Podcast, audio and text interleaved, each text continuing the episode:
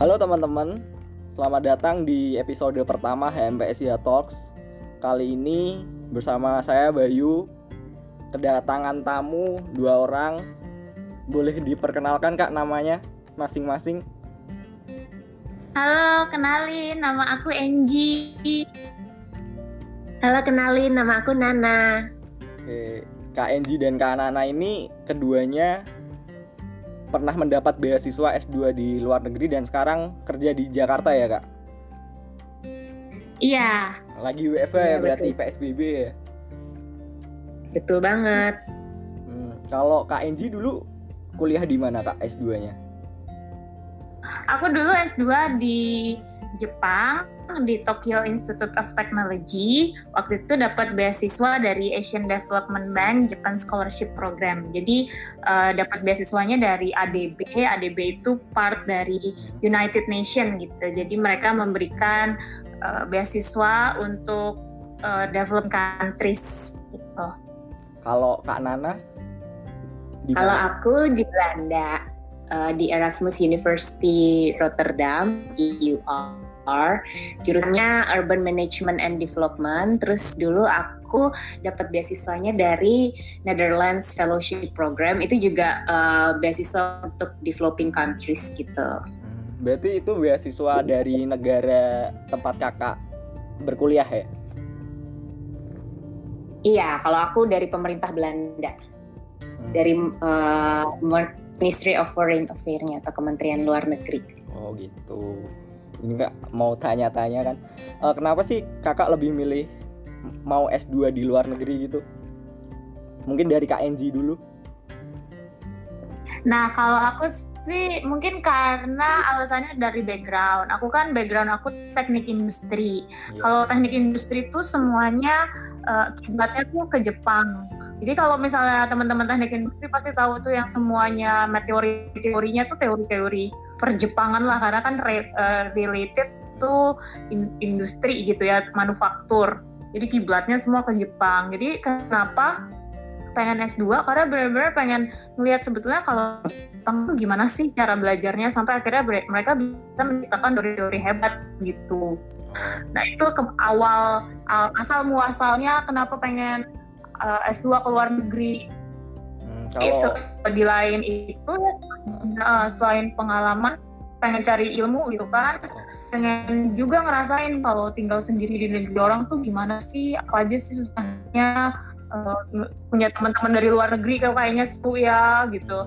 Terus ada di eh, negara yang maju kok kayaknya seru gitu kayak nggak perlu naik mobil bisa naik transportasi umum terus eh, udaranya bersih kayak gitu Oke, kalau Kak Nana?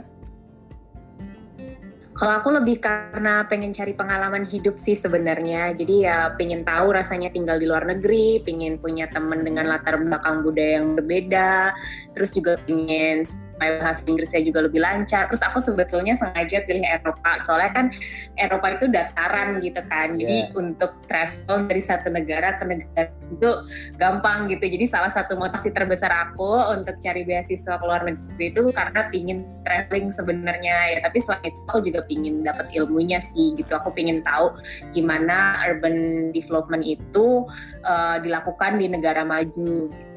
Dan semua itu aku bisa bilang dapat sih ketika aku S2 di luar negeri. Aku ketemu orang dari berbagai negara gitu. Otomatis kan harus komunikasi sama mereka ya. Jadi kan tadi kan aku bilang Iya, iya. ya pingin memperlancar bahasa asing itu ya akhirnya bisa lah gitu. Ya terus ya ilmunya juga dapat, travelingnya juga dapat. Jadi feed Instagramnya bagus gitu ya? Iya Oh, dong. itu pasti harus harus Nah, terus Kak, eh, mendingan selepas lulus S1 itu kerja dulu atau langsung ambil S2 beasiswa di luar negeri gitu Kak? Kalau dari Kak Nana dulu.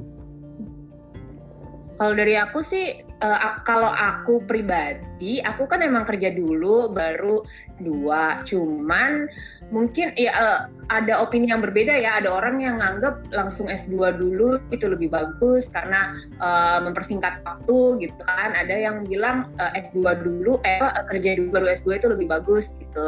Nah tapi kalau aku melihatnya uh, sebenarnya punya pengalaman kerja itu membantu banget dalam proses seleksi untuk diterima beasiswa S2 gitu karena mereka benar-benar ngeliat CV kita, pengalaman kerja kita, apa yang udah kita lakuin, terus dari pengalaman sebelumnya, terus ditambah studi yang akan dilakukan, nanti kita bisa kontribut apa ketika kita udah lulus gitu. Terus hmm. kalau dari Kak Nah aku kalau uh, uh, kalau aku sebetulnya sama kayak Nana, jadi udah kerja dulu uh, sekitar tiga setengah tahun baru akhirnya S2 tapi pas lagi di Jepang kemarin banyak teman-teman yang dari S1 langsung dapat beasiswa buat S2 gitu. Nah sebenarnya jawabannya sama seperti Nana. Kalau sudah kerja itu membantu sekali. Baik dalam proses administrasinya kita bisa lebih uh, mudah lah ya meyakinkan orang yang memberikan beasiswa gitu ya. Kalau kita ingin melakukan penelitian ini kemudian kita ingin berkontribusi apa kepada negara kita karena kan kita sudah kerja jadi kita udah iya. tahu nih konteksnya. Cuman nggak salah juga sebetulnya kalau dari S1 langsung S2 gitu. Memang kembali lagi sih ke tujuannya apa? Karena kayak misalnya kalau kamu memang ujungnya mau jadi researcher atau peneliti mungkin nggak perlu untuk kerja dulu gitu ya. Bisa langsung bisa langsung sekolah gitu ya sekolah terus akhirnya baru nanti menjadi peneliti gitu. Jadi memang kalau ditanya mendingan S1 dulu eh, setelah S1 langsung S2 atau kerja dulu jawabannya sih sebetulnya tergantung uh, tujuannya apa gitu. Uh, mungkin bisa bagi-bagi soal administrasinya ya kak. Bagaimana dan syarat apa yang harus dipenuhi untuk mendaftar beasiswa S2 ke luar negeri? Mungkin dari kak Nana dulu secara khusus menarik nih menarik. Soalnya berbeda di nih. Eropa gitu. Iya kalau dari aku uh, sebenarnya kalau untuk administrasi sih standar uh, pasti butuh hmm. CV terus uh, motivation letter um, terus habis itu apa namanya apa uh, aplikasi ini ini ini uh, by the way administrasi yang buat daftar ke universitas sama administrasi yang buat daftar beasiswa nih agak berbeda ya. Kalau di Eropa gitu? Kalau gimana? Kalau di Eropa gitu atau secara ya, umum? Uh, ya di mana-mana sih. Jadi okay. uh, kita tuh harus ngelaluin uh, apa ya uh, dua registrasi yang berbeda nih. Satu registrasi registrasi ke universitas, satunya lagi registrasi ke beasiswa gitu. Ada sebenarnya ada beberapa dokumen yang kita bisa pakai untuk dua registrasi tersebut, tapi ada juga dokumen yang berbeda gitu. Kayak misalnya waktu daftar universitas, aku kan kasih CV, motivation letter, probis uh, recommendation letter dari dosen waktu itu satu sama dari uh, apa atasanku juga satu sama IELTS. Uh, IELTS itu uh, sertifikat untuk apa bahasa asing gitu ya. Jadi harus ada nilai tertentu yang dipenuhi uh, supaya kita tuh bisa gitu untuk uh, ikut pendaftaran di universitas gitu. Nah, beasiswa itu juga sebenarnya butuh CV, motivation letter, recommendation letter sama IELTS itu. Tapi kadang-kadang dia tuh minta satu dokumen lagi yang uh, apa ya yang sebenarnya itu mirip juga sama motivation letter tapi waktu itu uh, beasiswa aku tuh minta kayak uh, jawaban dari beberapa pertanyaan yang harus aku jawab. Contohnya kan? aku agak lupa.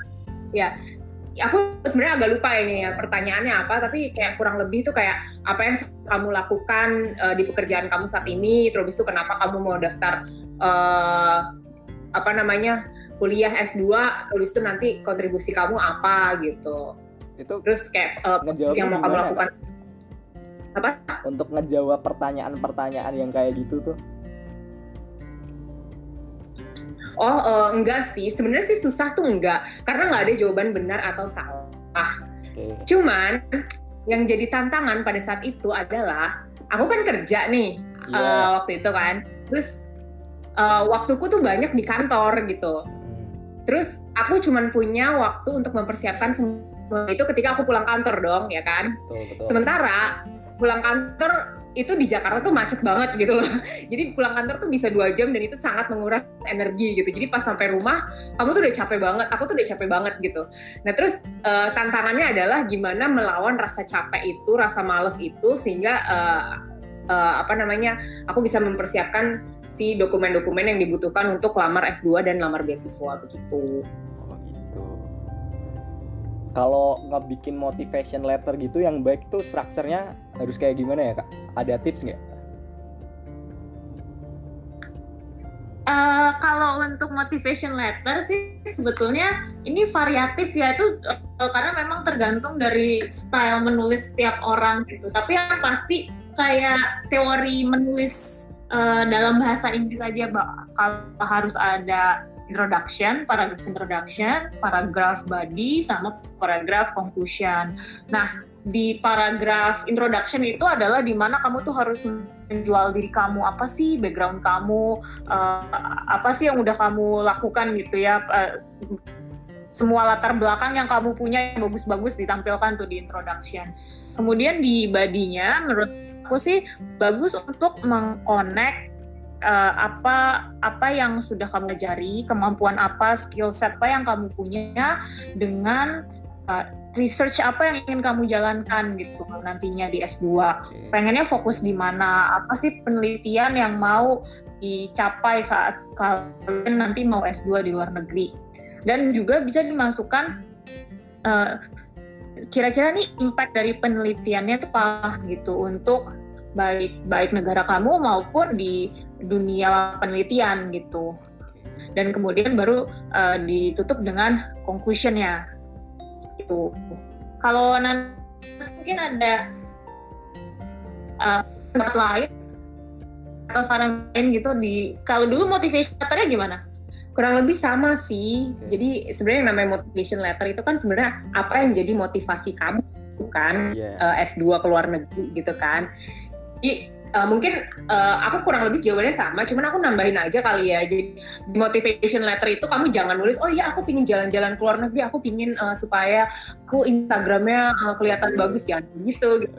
Jawab dengan uh, uh, jawaban yang seakademis mungkin gitu loh.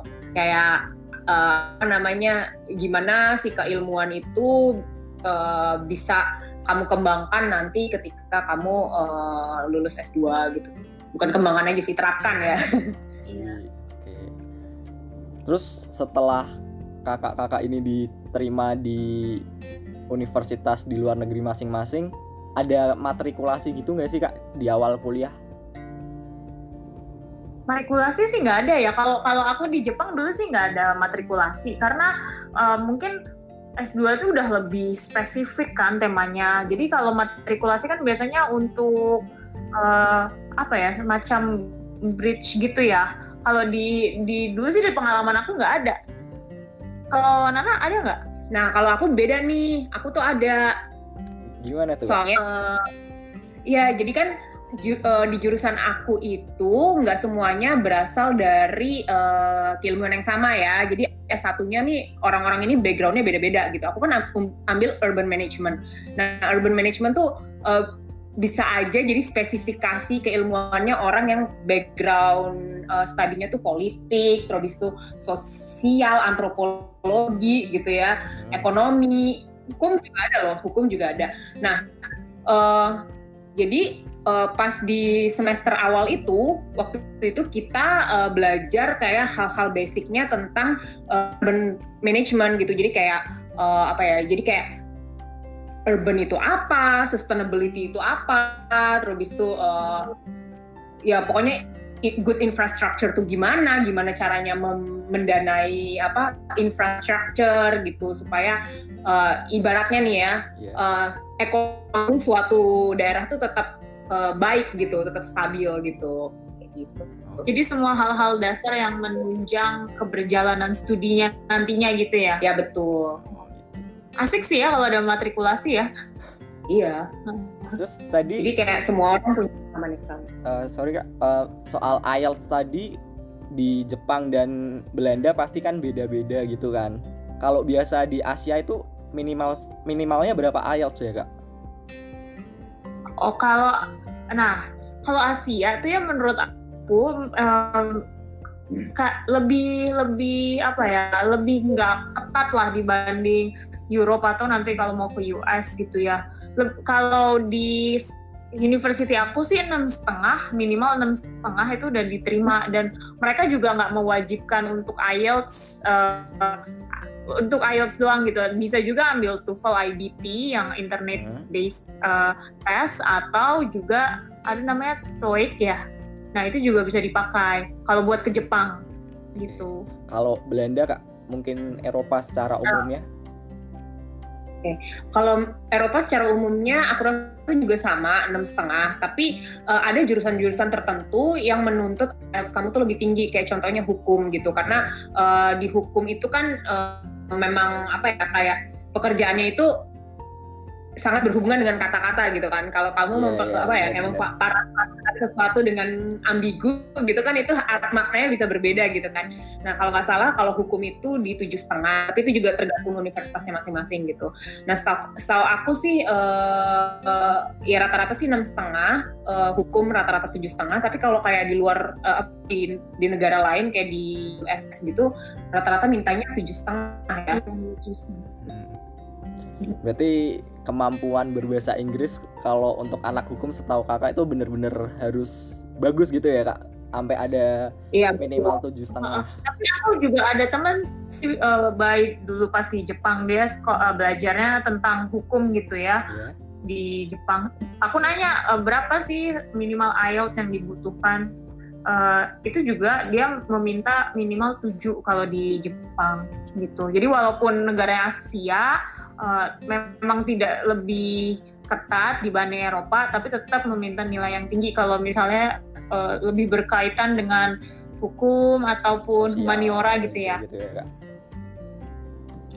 Terus ya jadi mungkin huh? kalau masih S1 mungkin waktunya uh, banyak-banyaklah digunakan untuk belajar bahasa asing gitu karena nggak salahnya banget sih iya. sebenarnya. Nonton YouTube lah, nonton YouTube. uh, mungkin dari Kak Enji dan Kak Nana itu ada nggak tips-tips kepada teman-teman yang masih S1, masih kuliah gitu buat mempersiapkan diri, siapa tahu pingin S2 di luar negeri gitu? Dari Nana dulu nih. Oke, okay. jadi kalau uh, dari aku mungkin uh, um, ya manfaatkan waktu sebaik-baiknya supaya uh, CV kamu bagus gitu loh.